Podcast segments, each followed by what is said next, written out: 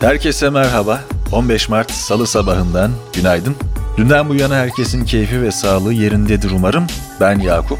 Yine bir Aposta 630 yayını için buluşmuşken gününüzün güzel ve keyifli geçmesini şimdiden diliyorum. Şu anda dinlediğiniz bülten LG destekleriyle ulaşıyor. Yeni LG Xboom 360 taşınabilir hoparlör, premium ses kalitesi ve stil sahibi tasarımıyla hem iç mekan hem de dış mekan kullanımı için mükemmel bir seçenek sunuyor. Ayrıntılar bültende. Piyasalar ve ekonomi. Almanya merkezli Commerzbank, Türkiye Cumhuriyet Merkez Bankası'nın politika faizini sabit tutacağını öngördü. Banka, Türk lirasının Aralık 2021'de çok dalgalı seyir izlediğini, hükümetin aldığı tedbirlerin ardından liranın stabilleştiğini bildirdi.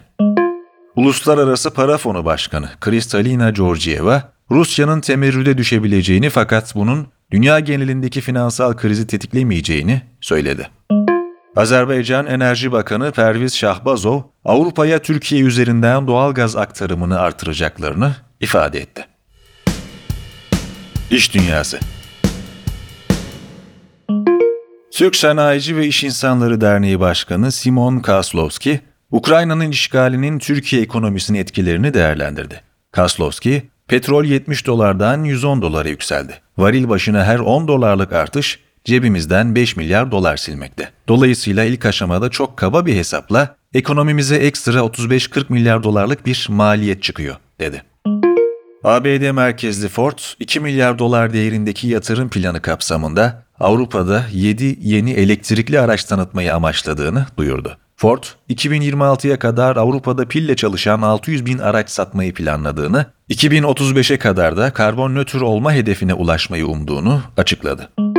Almanya merkezli sigorta şirketi Allianz, Rusya'da yeni işlerin sigortalanmasına son verdiğini ve kendi portföyü için ülkeye yatırım yapmayacağını açıkladı. ABD Kayıt Endüstrisi Birliği'nin yayımladığı verilere göre 2021'de ABD'deki CD satışları geçtiğimiz 20 yılda ilk kez artış gösterdi. Birlik 2020'de 31,6 milyon satış kaydettikten sonra 2021'de satış miktarının 46,6 milyona yükseldiğini duyurdu.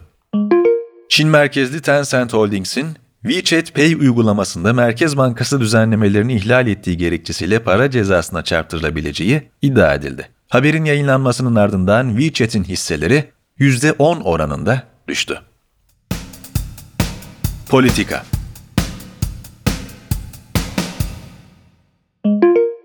Kremlin sözcüsü Dmitry Peskov, ABD'nin Rusya'nın Çin'den askeri yardım istediğine yönelik iddialarını reddetti. Peskov, Rusya'nın Ukrayna'daki özel operasyonunu bağımsız yürütme potansiyeline sahip olduğunu söyledi ve operasyonların belirlenen takvimde gerçekleştirileceğini vurguladı.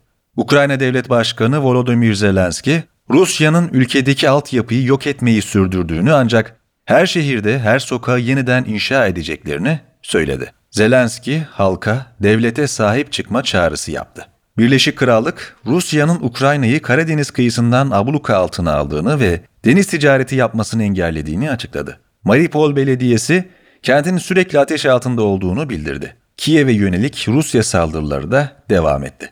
Rusya Savunma Bakanlığı, Ukrayna'nın doğusunda ayrılıkçıların kontrolündeki Donetsk bölgesinde bir füze saldırısında en az 20 kişinin hayatını kaybettiğini öne sürdü. Dün başlayan ateşkes görüşmelerinin dördüncü turu teknik sebepler dolayısıyla bugün ertelendi.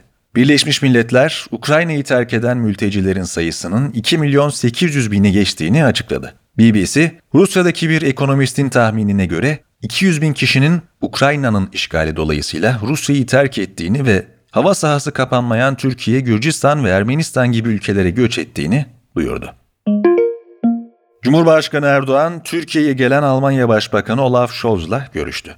Görüşmenin ardından liderler basın açıklaması düzenledi.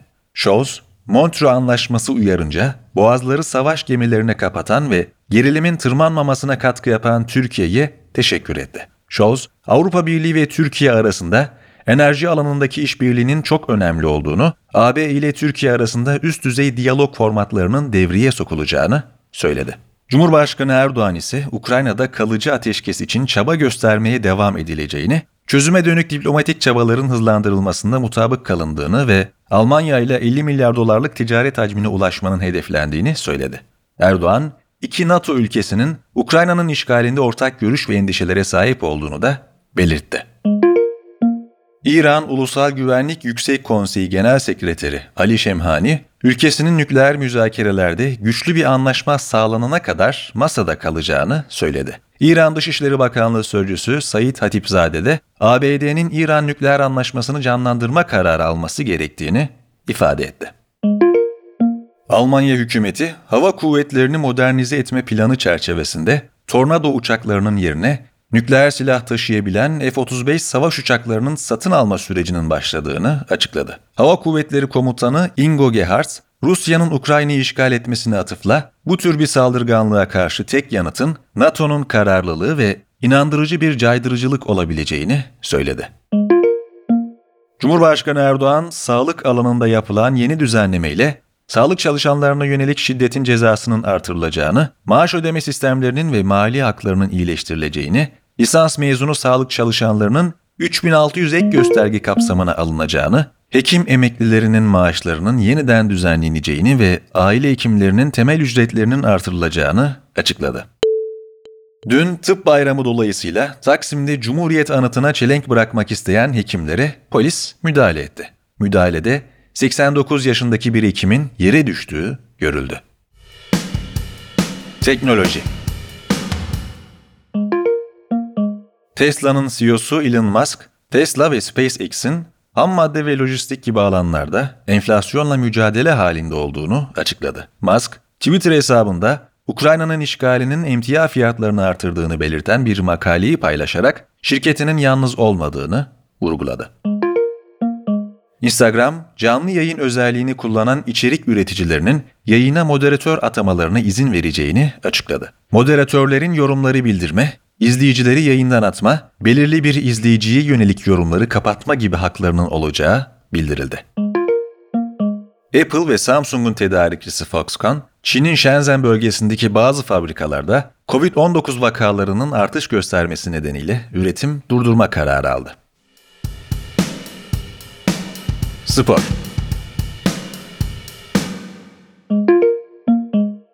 Türkiye Futbol Federasyonu'nun 2022-2023 ve devam eden sezonları içeren Süper Lig ile 1. Lig maçlarının yayın hakları ihalesinde 8 paketin 7'si için imzaların atıldığı açıklandı. Saran Medya Grup ve TRT sözleşmeleri imzaladı. Phoenix Suns karşısında 31 sayı, 6 asist ve 7 reboundla oynayan LeBron James, NBA tarihinde 10.000 sayı, 10.000 rebound ve 10.000 asist barajını geçen ilk oyuncu oldu.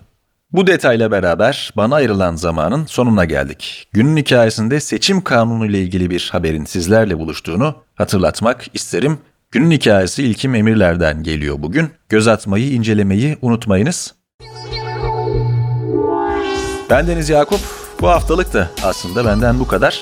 Haftaya salı ve perşembe günlerinde mikrofonun başında olacağım ancak bu hafta Gizem ve İpek detayları, öne çıkan gelişmeleri sizlerle paylaşacak. Takip etmeyi, dinlemeyi unutmayınız. Haftaya görüşünceye dek kendinize iyi bakın, sağlığınıza dikkat edin lütfen. Görüşmek üzere.